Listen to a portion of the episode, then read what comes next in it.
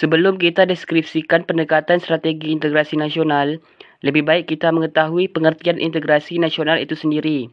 Integrasi nasional adalah pernyataan bagian-bagian yang berbeda dari suatu masyarakat menjadi suatu keseluruhan yang lebih utuh secara sederhana, memadukan masyarakat-masyarakat kecil yang banyak jumlahnya menjadi suatu bangsa.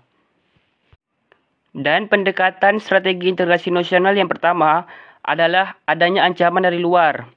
Ancaman terhadap persatuan dan kesatuan bangsa atau integrasi nasional jelas merupakan ancaman terhadap cita-cita bangsa Indonesia khususnya untuk melindungi segenap bangsa.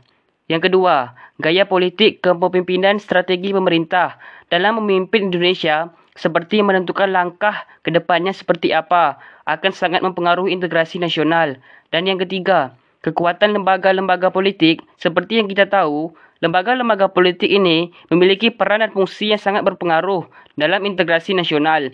Lembaga politik dianggap sebagai saluran mobilitas sosial karena dalamnya terdapat struktur kekuasaan. Dan yang keempat, ada ideologi nasional.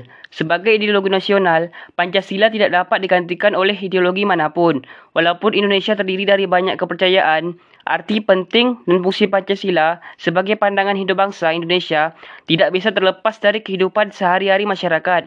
Pemaknaan ideologi nasional iaitu Pancasila dilakukan melalui implementasi nilai-nilai Pancasila dalam kehidupan sehari-hari untuk mewujudkan integrasi nasional di Indonesia. Dan yang kelima, ada kesempatan pembangunan ekonomi.